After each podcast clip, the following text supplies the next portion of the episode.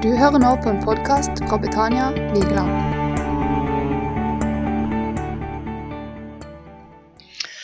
Ja vel. Hallo, alle sammen. Utrolig hyggelig å få lov til å komme hit til Betania eh, igjen. Jeg var her for noen år siden. Jeg husker ikke helt, Kanskje det er fire-fem år siden. Veldig hyggelig å være her igjen. Jeg ser noen kjente ansikter, og noen som ikke er så kjente. Men hvis jeg får denne presentasjonen opp på veggen her, så skal vi bruke den neste halvtimen nå på å snakke litt sammen om gudsfrykt. For når jeg har bedt og forberedt meg til denne eh, formiddagen her, så har jeg kjent på at jeg skulle snakke om gudsfrykt. Og jeg vet ikke om du snakker ofte om det, men eh, jeg føler at det er et tema som vi ikke alltid snakker så mye om. Eh, og jeg har blitt veldig fascinert av det den siste tida. Men før vi går inn på det, så jeg bare si litt om meg sjøl. Det er ikke sikkert det er litt lyst opp på skjermen her, men jeg heter altså Marianne Braseth. Jeg bor på Flekkerøya sammen med familien min. Jeg har én mann og tre barn fra 15 til 20 år. Sammen med mannen min Ståle så leder jeg Ungdom i oppdrag i Kristiansand. Og jeg har jobba på fulltid i UiO i 27 år. Så jeg jobber mye med disippeltrening og misjon og forkynnelse. Så jeg har med noen ting som ligger bak på det bordet, som du kan ta med fra, hvis du vil. Vi er midt inne i en sånn 30 dagers bønn for muslimverdenen. Og Det kan jo være en kjempefin ting i disse tider hvor det er færre ting kanskje som skjer. Det går fra 13. april til 12. mai. Så Der ligger det sånn hefte med informasjon om hvordan du kan være med å be, og om ulike folkegrupper i muslimverdenen. Så ligger det også Mot målet, som er et sånn kort lite sånn nyhetsoppdateringsblad for ungdom i oppdrag i hele Norge. Så her kan du se litt mer om hva som skjer i UiO. Og så ligger det noen brosjyrer for disippeltreningsskolen vår på Skjærgårdsheimen, UiO Kristiansand, DTS. Så vi har akkurat fullført en DTS nå i mars med 40 studenter gjennom hele koronaperioden uten smitte. Og Gud gjorde fantastiske ting. Masse vitnesbyrd om liv som er forvandla. Så nå starter det en ny DTS i september, og så skal vi lansere enda en DTS som kommer til å starte i januar. Som blir lansert nå bare om noen få dager. Så hvis du eh, kjenner noen ungdommer eller voksne eh, Vi har generasjoner sammen på DTS-en i september så er det tatt inn allerede er det 25 studenter. og Vi har plass til i hvert fall opp mot 40. I år fikk vi lov av 40 i hensyn til smittevern, så da måtte vi stoppe på 40. Men uh, spre gjerne det videre. Ok. Men vi skal snakke om gudsfrykt. Og hva er gudsfrykt? Ja, Helligånd, jeg har lyst til å be om at du skal si noe til oss om det i dag. At du skal gi oss åpenbaring, så at vi kan lære deg bedre å kjenne Gud. Det ber vi om i Jesu navn. Jeg vet ikke hva du tenker på jeg, når du hører ordet gudsfrykt. Og Jeg hadde en samtale med sønnen min om det. så Han yngste han er 15 år. og Han liksom var sånn Hva er den greia der, mamma? For det kan jo høres på en måte litt sånn skremmende ut. Skal vi være redd for Gud? Nei, vi skal jo ikke det. Men jeg tenker at gudsfrykt det handler om å la Gud være den han er. Han som er vår Gud, han som har seiret over døden, han som har all kraft, all makt all kunnskap, all innsikt, all visdom. At vi skal få lov til å la han være den han er. Så det handler jo egentlig om tenker jeg, å ha ærefrykt for han. Å respektere han for den han er, og anerkjenne at han er Gud, og ikke vi sjøl. For meg så handler gudsfrykt egentlig mye om å gi Gud rett. Å gi Gud den plassen som han fortjener. Og da tenker jeg at Det handler jo om å både hilse velkommen og omfavne hele høyden og bredden og lengden og dybden av Guds karakter. Alle hans kvaliteter. Han som er hellig, han som har all makt. Og så kombinere den respekten med en kjennskap, med en relasjon til hans store miskunn og nåde. Og jeg tror at Jo mer vi kjenner han, jo mer vi både ser hans makt og den nåden som han gir, jo mer vil det skape både tillit og hengivenhet i livet våre. Fordi vi skjønner at han er verdt å elske, han er verdt å stole på, han er verdt å leve for, han er verdt å følge etter. Så jeg vil si at Gudsfrykt er et utrolig positivt lada ord. Vi må liksom låse opp det ordet litt, det begrepet litt. Og jeg vil jo si det at Å være en gudfryktig person det er jo en hedersbetegnelse. Jeg håper, jeg har det som et mål i livet mitt, at mennesker skal få se på livet mitt og tenke ja, hun lever et gudfryktig liv. Hun lar Gud være Gud. Hun inviterer Gud til å være Gud i livet sitt. For det handler jo altså ikke om at vi skal være redde for Gud. Nei, vi skal ikke være redde for Gud. Men det handler om å ha et rett forhold, hjerteforhold, til Gud. Og da tenker jeg at hvis vi har det, så er det preget av både ærefrykt og tillit. Både kjærlighet og lydighet. For bare hver for seg så blir det grunt. Bare hver for seg så får det ikke samme verdi eller samme innhold. Og Jeg har og studert litt på dette her med gudsfrykt den siste tida. Og så fant jeg Luthers forklaring til det første bud. Det er ikke sånn at Jeg pleier å se veldig mye på det. egentlig. Jeg vet ikke om du er så inne i det heller. Men når Luther skal forklare det første bud, altså at du skal, ha, skal ikke ha andre guder enn meg, så sier han bl.a. dette. Vi skal frykte og elske Gud over alle ting og sette all vår tro og lit til ham. Er ikke det fint? Frykte og elske. Det er egentlig to sider av samme sak. Og det handler jo om det å vite at du er elska, og vite at du er et barn i Guds hus. Du er ikke en trell, du er ikke en slave. Det er ikke sånn at du skal leve i en sånn slags trellefrykt. At du må på en måte prestere for å bli godtatt. At du er redd for å gjøre noe feil. At straffen liksom er rett bak eh, eh skapet hele tida. Men hvis vi lever i gudsfrykt, så har vi respekt for Gud på en riktig måte, og vi elsker Han. Og du vet at hvis du elsker noen, så er det naturlig å bære et dypt ønske om at du ikke vil såre den personen. At du ikke ønsker å skuffe eller gjøre mot deres vilje, men du er motivert av en kjærlighet, en overgivelse, en respekt. Ikke ut av frykt. Jeg er så heldig at jeg har vært gift med mannen min i 27 15 år. Og vi, eh, vi har bestemt oss for å ta et år til. Så det sier vi hvert år. Veldig greit. altså Jeg kjenner jeg blir veldig takknemlig, og så vet jeg at den overgivelsen er jo livslang. Så hver gang vi har bryllupsdag, 14. august, så er det sånn vi tar et år til. Veldig greit, altså. Så jeg vet hvor jeg har den, liksom. Og det er ikke sånn at vi bare har det superbra hele tida. I går så måtte vi ha oss en skikkelig prat. Og så var det noen ting som ja, var ikke bare greit. Og så kan vi tilgi hverandre, og så veit vi at hjertet egentlig er at du ønsker jo ikke å skuffe eller såre den andre. Det er ikke noe tvang eller noe straff på en måte som trues for å tvinge meg til å prøve å elske Ståle så godt jeg kan. Nei, det er jo motivert av en kjærlighet og en respekt for den han er. Og hvis det kan være sant for oss mennesker imellom, hvor mye mer da? Når vi blir mer og mer kjent med Gud, så skal det motivere oss å elske og respektere, ære og frykte Han i ordets rette forstand. Og jeg vil jo si det at Hvis du veit hvor dypt du er elska, så setter det deg fri fra frykt. Noe så godt som å vite at du er respektert, at du er tatt imot, at du er akseptert. Og Vi trenger ikke å leve i frykt for Guds straff eller at vi ikke er gode. Det var fantastiske sanger vi sang her sammen. Hvordan Jesus har tatt straffen. Hvordan han seira over døden og synden og graven. Sånn at vi skulle gå fri. Sant? Og I 1. Johannes 4, 18 så står det at den fullkomne kjærligheten driver frykten ut. Sånn at Her er det snakk om en frykt altså, som er en redsel. Den redselen som vil herje med oss. Ikke gudsfrykt i form av respekt og anerkjennelse for hvem Gud er. Og Hvis vi leser hele vers, disse to versene, så står det I dette er kjærligheten blitt fullhendt hos oss. At vi har frimodighet på dobbens dag. For som Kristus er, slik er vi i denne verden. I kjærligheten finnes det ikke frykt. For den fullkomne kjærligheten driver frykten ut. For frykten bærer straffen i seg, og den som frykter, er ikke blitt fullendt i kjærligheten. Det blir jo litt sånn som at uh, den som går på epleslang, er litt redd for å bli tatt. Jeg vet ikke om du går mye på epleslang, jeg håper jo grunnen ikke det. Eller at den som jukser på en prøve, er redd for å bli oppdaga.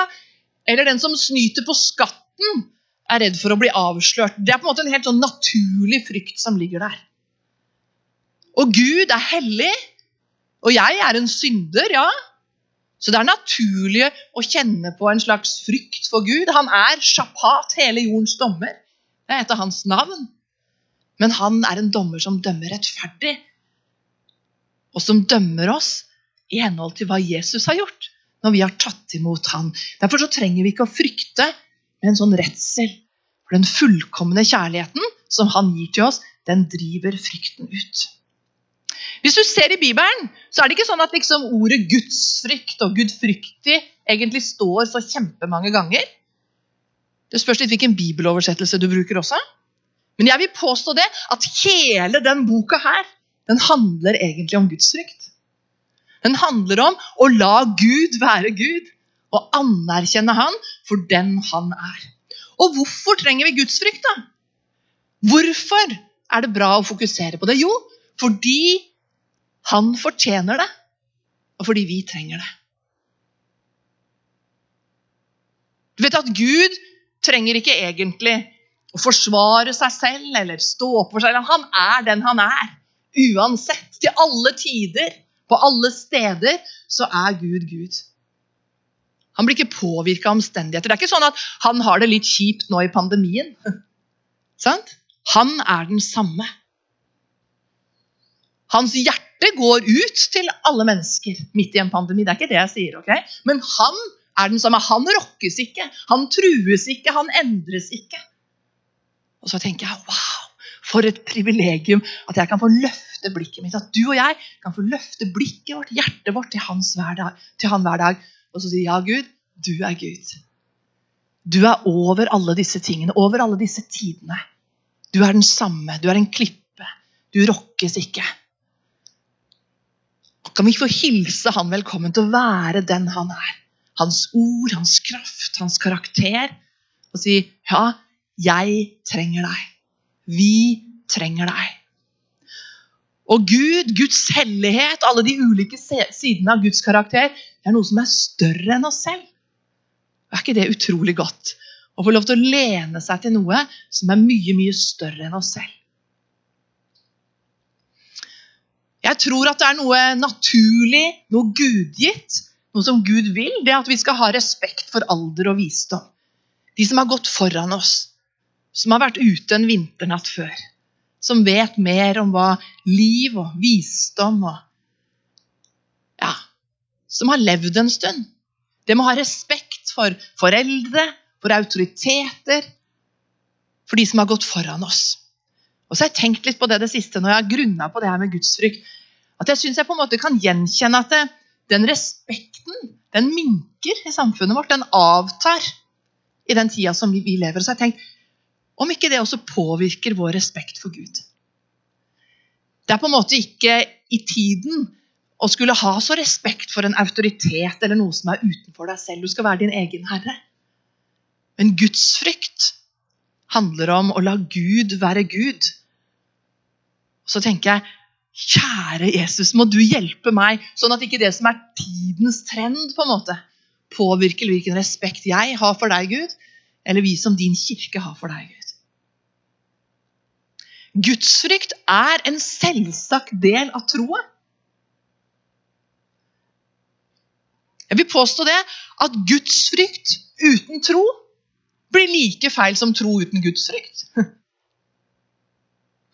For hvis vi tror på Gud, så trenger vi å frykte han og gi han plass. Og la han være den han er. Og Bibelen sier mange ting om gudsfrykt. Og Dette kunne vi snakket om i flere dager. hvis vi ville. Nå skal jeg bare gi deg noen sånne stikkord og noen bibelvers også. Så vil jeg oppmuntre deg til å tygge litt på mer på disse tingene inn i den neste uka som kommer nå. Men Bibelen er veldig tydelig på at gudsfrykt er visdom. At det er der alt starter. på en måte. At gudsfrykt er utgangspunktet, begynnelsen, opphavet for ekte visdom, ekte forstand. Og det er der vi begynner, hvis vi vil begynne rett. For eksempel, sånn som det står I Salme 111 vers 10, så står det å frykte Herren er opphav til visdom. Alle som gjør det, har god forstand. Hans lovsang varer til evig tid. Og i Jobb 28, 28 så står det å frykte Herren, det er visdom. Å vende seg bort fra det onde, det er forstand. Så gudsfrykt er visdom. Så kan vi også si det at gudsfrykt er en måte å leve på. Gudsfrykt er ikke bare en egenskap eller en kunnskap. Det er ikke bare en teori. Det er ikke noe vi bare kan vite eller sitere et bibelvers på, men det er en måte å leve på. Og i Titus nå er dette et helt avsnitt her, men der står det om hvordan Guds nåde oppdrar oss. Du vet at Guds nåde er en gave? Ja, fantastisk. Tilgivelsen er gitt til oss, vi er elska betingelsesløst. Men når Guds nåde får virke i livet vårt, så oppdrar nåden oss til å leve. Og Da står det bl.a. det her fra Titus 2, her er disse versene 11-15.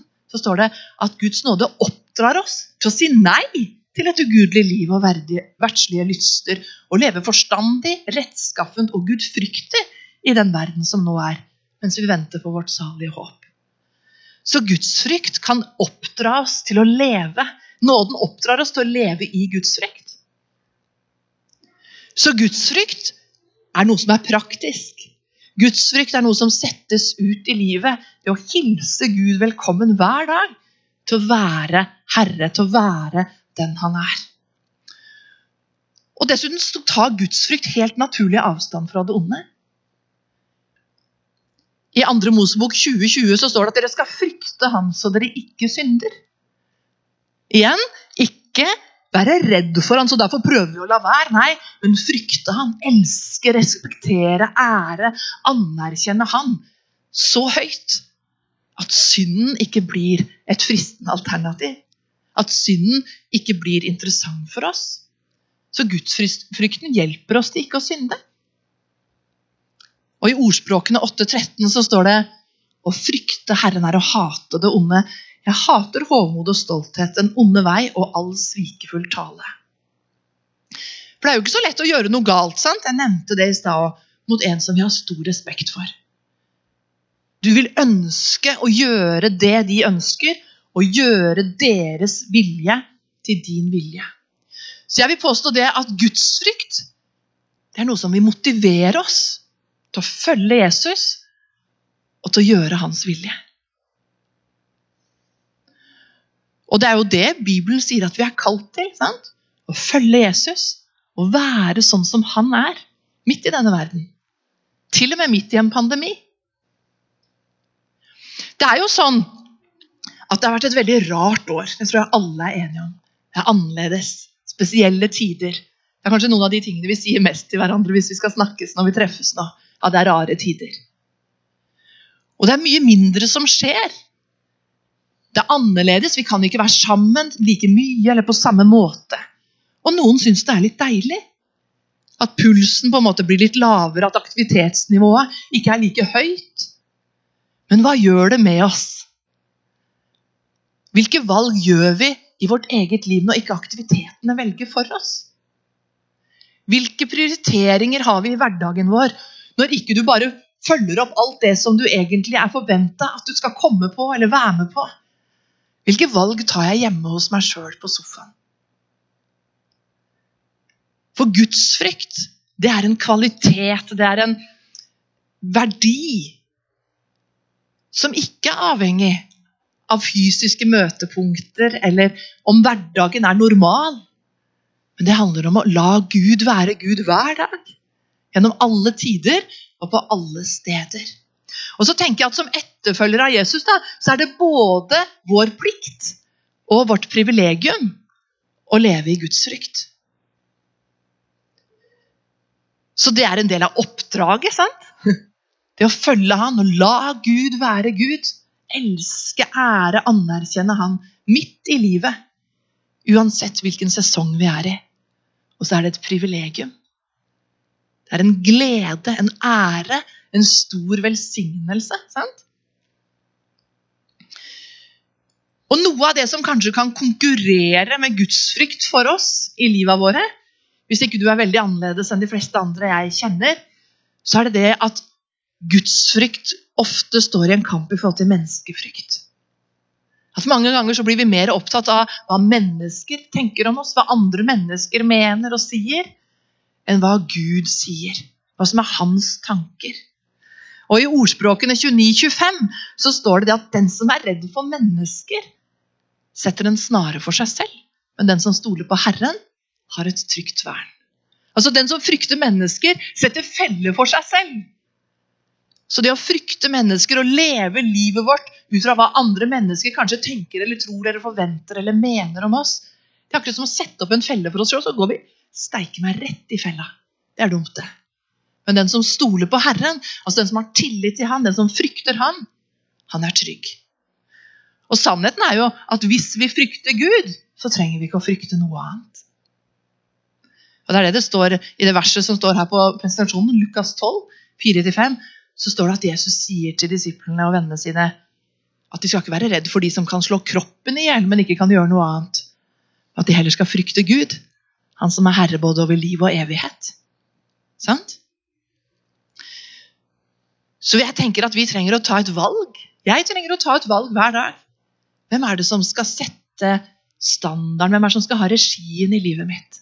Er det andre mennesker, eller er det Gud? Er det Han jeg skal gi høyest anerkjennelse? Skal gudsfrykten være tyngre, veie tyngre i livet mitt enn menneskefrykten? Jeg tenker at Det er både en oppmuntring og en invitasjon og en utfordring til oss i dag. Til at gudsfrykten setter standard. Fordi at Når vi lever i gudsfrykt, så vil det være med å skape en rett ydmykhet i livet vårt. Både i forhold til Gud, at vi lar Gud være Gud, og også i forhold til andre mennesker. At vi kan være den vi er, og la andre være den de er. For vi er ikke i konkurranse med andre mennesker. Det er ikke menneskefrykten som styrer oss i forhold til å tenke å jeg må prestere, jeg må være bedre enn deg, jeg, jeg må synes. Eller motsatt å nei, jeg kan ikke gjøre noen ting for alle de andre. er så mye bedre enn meg.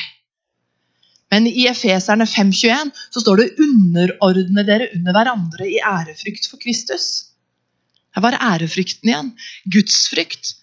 Det å respektere Jesus vil si å gi de andre plass. Men også gi plass til det som han har lagt ned i meg. Sann ydmykhet. Være kjent for den jeg er. Både i styrke og svakhet. Heie på hverandres gaver. Det som Jesus har lagt ned i hver enkelt av oss. La det komme fram. Det er sann gudsfrykt. For da slipper vi Gud til. Da lar vi Gud være Gud i vårt eget liv og i hverandres liv. Og det gir Gud ære. Så jeg vil si at gudsfrykt skaper en sann ydmykhet. Og det er virkelig noe som vi trenger å strekke oss ut etter. Og gudsfrykt det er tilgjengelig for deg og meg. Det er ikke liksom en sånn ting som er helt uoppnåelig. Nei. I 2. Peter 1,3 så står det ja, alt vi trenger for å leve i Guds frykt, har Hans guddommelige makt gitt oss i gave ved at vi kjenner Han som kalte oss ved sin egen herlighet og makt. Hørte du det? Alt som vi trenger for å leve i Guds frykt, har Han gitt oss som en gave. Hvor vanskelig er det å få en gave? Det er ikke vanskelig i hele tatt. Det er bare å si tusen takk. Og hvordan har han gitt det? Jo, ved at vi kjenner han. Så gudsfrykt og det å leve det ut i praksis, det handler om å kjenne Gud. Holde oss nær til Han. Det er ikke en sånn spesiell utrustning bare for noen kristne. Du har anlegg for gudsfrykt, liksom. Nei, det er tilgjengelig for alle. Alt vi trenger, har Han gitt oss for at vi kan leve i Guds frykt. Så jeg vil påstå det at Gudsfrykt det, ikke, det handler ikke om moralske krav, eller at vi skal leve opp til en standard og følge disse reglene. Men gudsfrykten er mer som en grunnvoll som Gud har lagt. Og på den så kan vi stå og leve, og så vil det bygge opp vår kristne karakter. Sånn at Gud syns gjennom livet vårt, fordi vi kjenner Han. Og hvordan kan vi vokse i Guds frykt? Hvordan kan det liksom komme fram? Jo, hvis gudsfrykten er en gave som vi får gjennom å kjenne Han, så betyr det jo at da må jeg leve livet mitt sammen med Han i hverdagen. La det være praksis at Jesus er herre. Gi ham plass, gi ham taletid, gi ham talerett. At vi må hjelpe hverandre til å snakke sant om Gud, snakke sant om Guds ord. Gi autoritet til ham. Anerkjenne at han vet bedre enn oss. Hate det onde, sånn som det sto. Vende oss bort fra det. Og så sier Guds ord at vi kan øve oss i Guds frykt. Og jeg vet ikke om det er noen av dere som er ivrig ivrige med å trene, eksempel. Men det er jo sånn at hvis du trener, så blir du bedre. Du blir bedre form, du blir bedre på ting. Og det står i Guds ord i 1. Timoteus 4 at vi kan øve oss i Guds frykt. For Guds frykt er nyttig til alt, står det. Kroppslig øving er nyttig til noe, men Guds frykt er nyttig til alt. Så vi kan øve oss på å gi Gud plass i hverdagen vår. Vi kan øve oss på å samle tankene våre hos Gud. Vi kan øve oss på å invitere hans vilje til å virke gjennom livet vårt.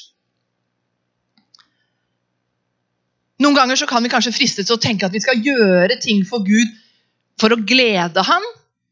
At vi skal bare gjøre en masse aktiviteter. Og... men du vet at det som virkelig gleder Guds hjerte, det er fellesskapet med deg. Med at vi er sammen med Han. Han er ikke ute etter gjerningene våre, men han er ute etter hjertet vårt. Så det å praktisere gudsfrykt det er ikke liksom en, en teori eller en kunnskap, men det er et aktivt liv.